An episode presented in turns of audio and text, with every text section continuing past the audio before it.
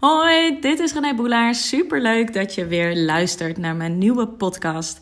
En vandaag wil ik het met je gaan hebben over um, eigenlijk de drie soorten excuses die je steeds maar weer oproept, of vormen van excuses eigenlijk, die je steeds maar weer oproept om maar niet te hoeven gaan beginnen aan het zoeken van een nieuwe baan. Dus het, en vervolgens dus ook je nieuwe droombaan eigenlijk niet te vinden.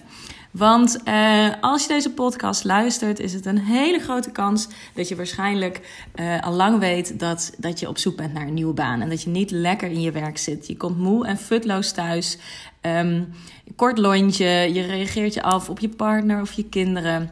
En je neemt je eigenlijk ieder weekend of misschien wel iedere avond voor om nu toch echt eens even te gaan zoeken naar die ene leuke vacature of naar dat bedrijf waar je graag voor zou willen werken. Maar iedere keer komt het er eigenlijk niet van. Dit neem je jezelf vervolgens kwalijk. Um, en uh, nou ja, daardoor kom je met een negatief gevoel te zitten. En zul je het de volgende keer ook minder snel doen. Nou, hoe dit allemaal werkt en wat er nou eigenlijk gebeurt bij jou, waardoor je dus niet tot die actie overgaat. Dat is waar ik je deze podcast in mee ga nemen. Want ik geloof dat op het moment dat je dat inzicht hebt, dat je dat weet, dat je er ook iets aan kan gaan doen. En op het moment dat je dat inzicht hebt, dat je ook bij jezelf uh, kan, gaat merken: hey, nou, nou, nou, gebeurt dat weer. hey, dit is weer dat trucje wat mijn hersenen eigenlijk met mij uithalen. om er maar voor te zorgen dat ik niet ga veranderen en niet in actie kom. Nou goed, waar heb ik het over? Onze hersenen zijn er heel erg op gericht om. Um, ja, die zijn heel erg op gericht om maar genot te ervaren. Op het moment dat jij namelijk genot ervaart, dan krijg je een dopamine shotje.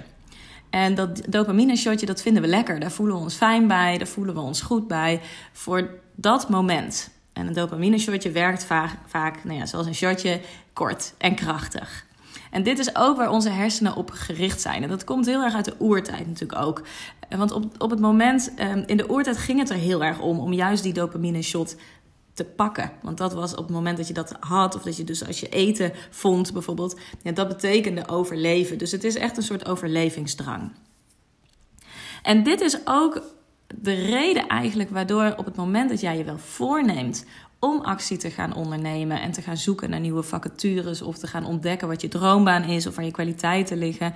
Dat op het moment dat je aan het einde van, de, van een werkdag dat wilt gaan doen, dat dat eigenlijk gewoon niet zo heel erg lukt, omdat je daar niet een dopamine shotje van krijgt. Want uh, door Monsterboard of Indeed of vacatures scrollen en erachter komen dat, het, dat er eigenlijk niet echt iets tussen staat waar je naar zoekt. En dat je eigenlijk ook niet weet uh, wat je dan wil uh, en waar je eigenlijk nou echt goed in bent. Of door, om dan vervolgens continu vacatures te vinden waarbij je bij het eisenlijstje eigenlijk afhaakt omdat je ziet, ja, nee, dit ben ik niet. Nee, ik heb die opleiding niet, bijvoorbeeld.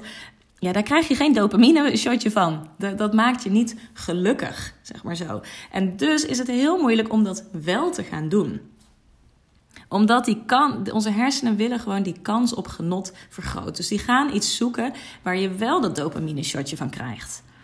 En op het moment dat jij kan kiezen tussen uh, vacatures zoeken of een plan maken van hey, wat wil je nou eigenlijk met je leven, waarbij je eigenlijk ook niet zo heel goed weet hoe dat dan te starten en wat daarin te onderzoeken, of een Netflix-serie of met een zak chips op de bank een film kijken, ja, dan gaan jouw hersenen je sturen richting dat laatste, want daar krijg je even een korte termijn dopamine shotje van.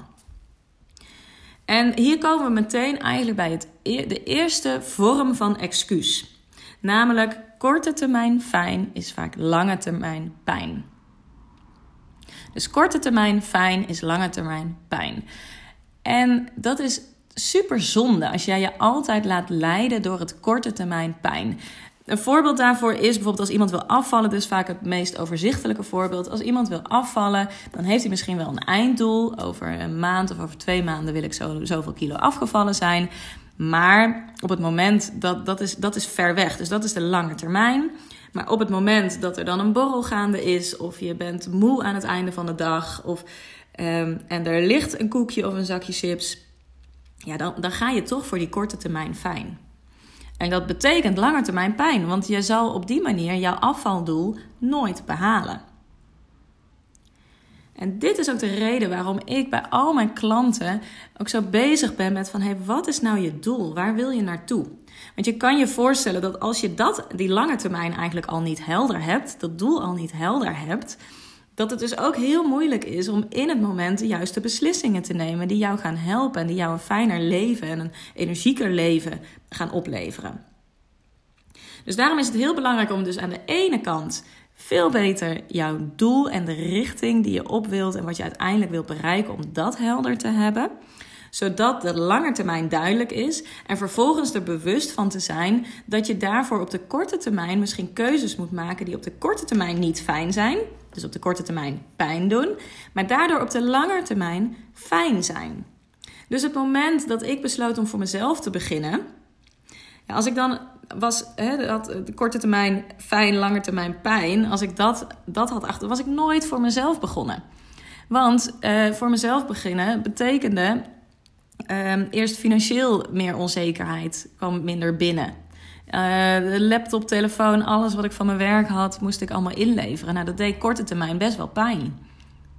Ik had ook op korte termijn die onzekerheid bijvoorbeeld. Gaat het allemaal wel lukken? Kan ik dit wel? Uh, willen mensen wel door mij gecoacht worden? Nou, al die dingen. Dat was korte termijn pijn, want ik moest door die onzekerheid. En nu ben ik waar ik ben en dat is de lange termijn. Dus dat is de lange termijn fijn. Snappen jullie hoe ik hem bedoel? Dus um, wat er in je hersenen gebeurt, die proberen jou heel erg te sturen op korte termijn fijn, maar dat betekent lange termijn pijn. En waar ik je uitnodig wat te doen, is proberen hem eens om te draaien. En dat doe je door in eerste instantie je doel helder te hebben. Wat is dan die lange termijn? Zodat je vervolgens eigenlijk kan gaan kijken, hey, korte termijn pijn. Dus wat moet ik nu inleveren? Kijk, verandering kost, kost je altijd iets. Hè? Iedere keuze kost je iets. Verandering kost je iets. Dus welke pijn mag ik nu lijden, zodat ik op de lange termijn gelukkiger word? Als je die keuze niet maakt, wat kost het je dan? Dan kost het je dat je je voelt zoals je je nu voelt. En dat is niet energiek. Het gevoel dat er veel meer in je zit. Dat je niet volledige potentie uit jezelf haalt eigenlijk. En dat is super zonde. Dus dat kost het je nu. Dat is de pijn die je nu hebt. Dus ga eens voor jezelf na. Welke korte termijn pijn wil je liever? Die pijn die je nu hebt. Met de wetenschap dat eigenlijk de lange termijn ook pijn doet. Of ga je voor de korte termijn pijn keuze die jou brengt naar de langetermijn fijn. Yes? Dus dat is de eerste. Um, ik zit heel eventjes te kijken, want ik had een paar dingen opgeschreven, dus daar, daar lees ik nu doorheen. Dat kunnen jullie niet zien, maar dat gebeurt.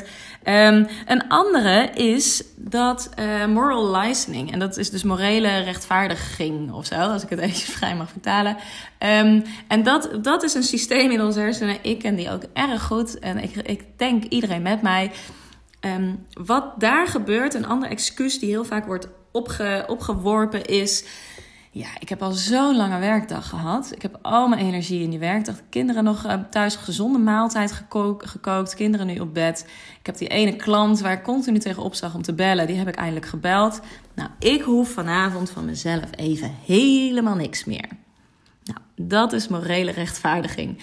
Dan ga je eigenlijk voor jezelf het zo rechtvaardigen dat je even geen actie hoeft te ondernemen.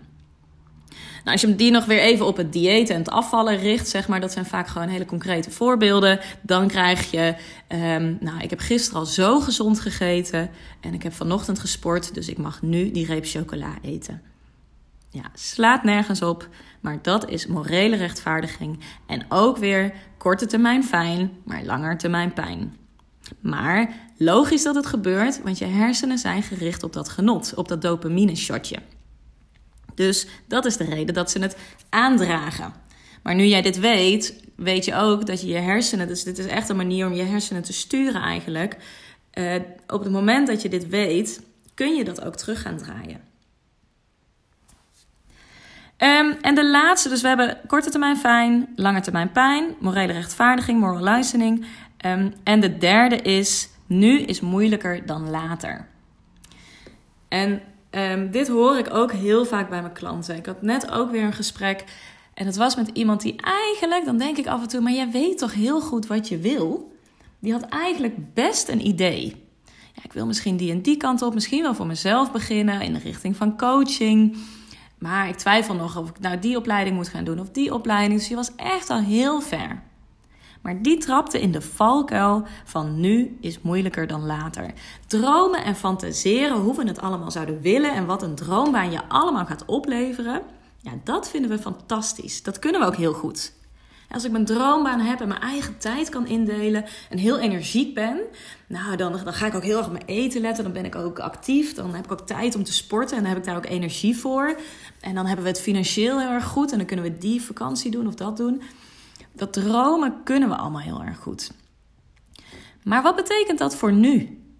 Welke keuze moet jij nu maken zodat je dat voor elkaar, zodat je die droom ook kan gaan leven? En stop alsjeblieft niet bij dat dromen, maar ga kijken wat moet ik nu aangaan. En dat vinden we vaak veel moeilijker, want dan moet je een keuze gaan maken.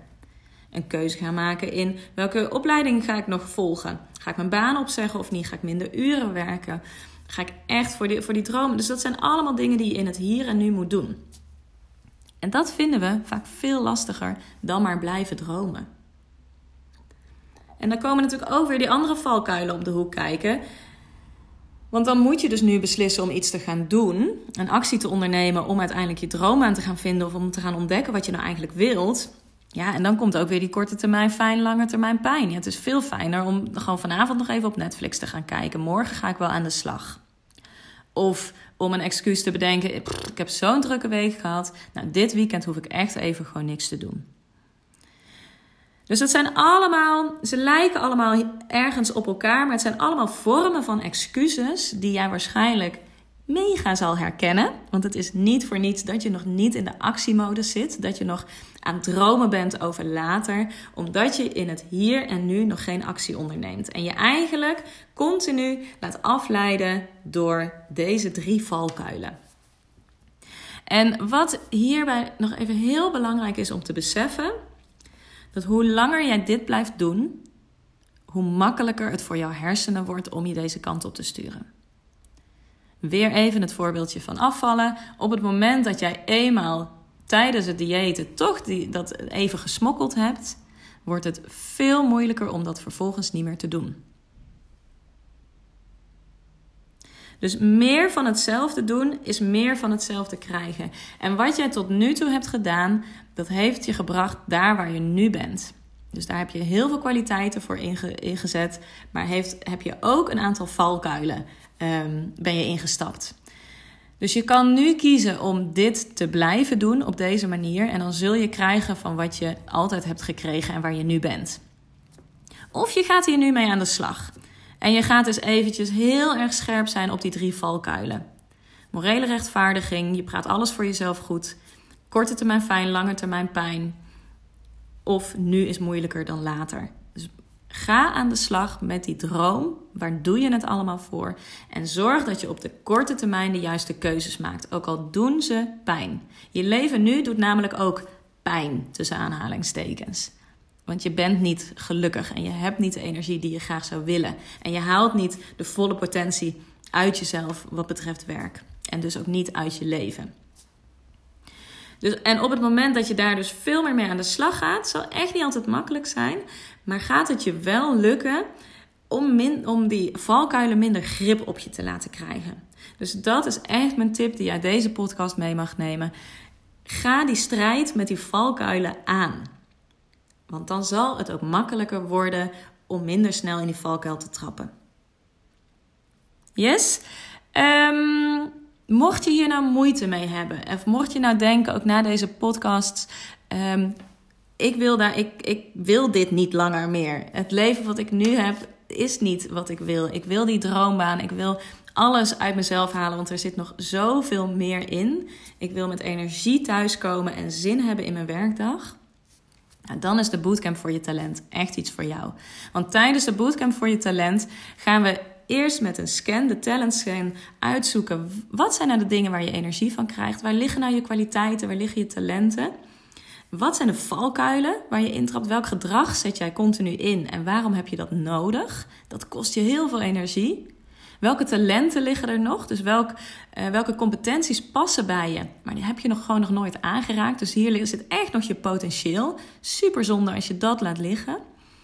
Dat komt allemaal uit die scan. En vervolgens gaan we kijken: oké, hoe kun je dat pakketje aan talenten en kwaliteiten, hoe kun je dat in gaan zetten? Waar droom je nou eigenlijk van?